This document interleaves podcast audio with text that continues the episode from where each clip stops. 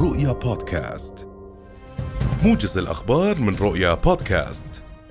تعقد محكمة أمن الدولة يوم الأربعاء المقبل أولى جلسات محاكمة النائب عماد العدوان والتي أسندها النائب العام لمحكمة أمن الدولة ليصار إلى محاكمته أمام هيئة المحكمة. وفي وقت سابق وجه مدعي عام محكمة أمن الدولة للنائب عماد العدوان الذي أوقفته سلطات الاحتلال بتهمة تهريب مزعومة لكميات من الأسلحة والذهب عدة اتهامات ووجه للنائب العدوان تهمة تصدير أسلحة بقصد الاستعمال على وجه غير مشروع بالاشتراك مكررة أربع مرات كما تشمل التهم القيام بأعمال من شأنها الإخلال بالنظام العام وتعريض سلامة المجتمع وأمنه للخطر بالاشتراك. انطلقت فعاليات التمرين الوطني درب الأمان ثلاثة الذي ينفذه المركز الوطني للأمن وإدارة الأزمات على مدار يومين للوقوف على استعداد وجاهزية المؤسسات العامة والخاصة للتعامل مع الزلزال وتداعياتها.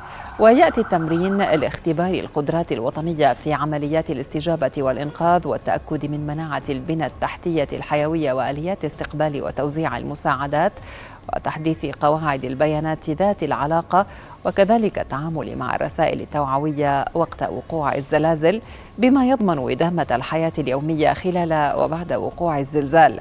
ورافق التمرين عمليات إخلاء وإنقاذ وإغلاقات وإطلاق صافرة إنذار وحضور أمني في مناطق عدة دون التأثير على سير الحياة العامة. قال الناطق الإعلامي باسم وزارة المياه والري عمر سلامة إن الهدف من إعادة هيكلة تعرفة المياه هو تدعيم وتقوية قطاع المياه لتغطية الكلف التشغيلية والصيانة. سلامة أضاف لرؤيا أن الفاتورة الشهرية التي بدأ إصدارها في الأول من أيلول الحالي لن يطرأ عليها أي تعديل حتى نهاية العام الحالي. وأشار سلامة إلى أنه سيبدأ العمل بالتعرفة الجديدة اعتبارا من بداية العام المقبل وستكون الزيادة بمعدل 4.16%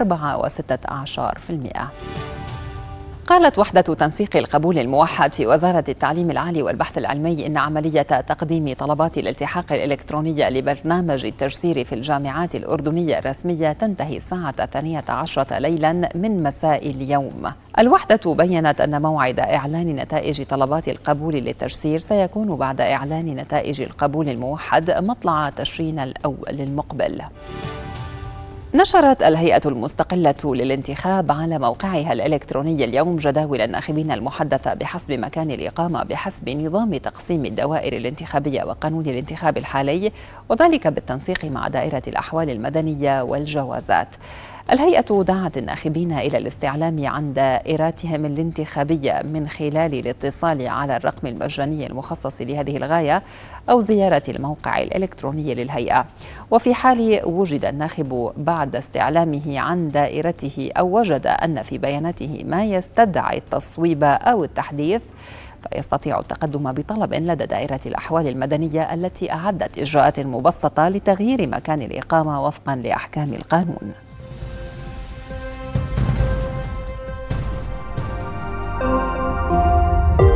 رؤيا بودكاست.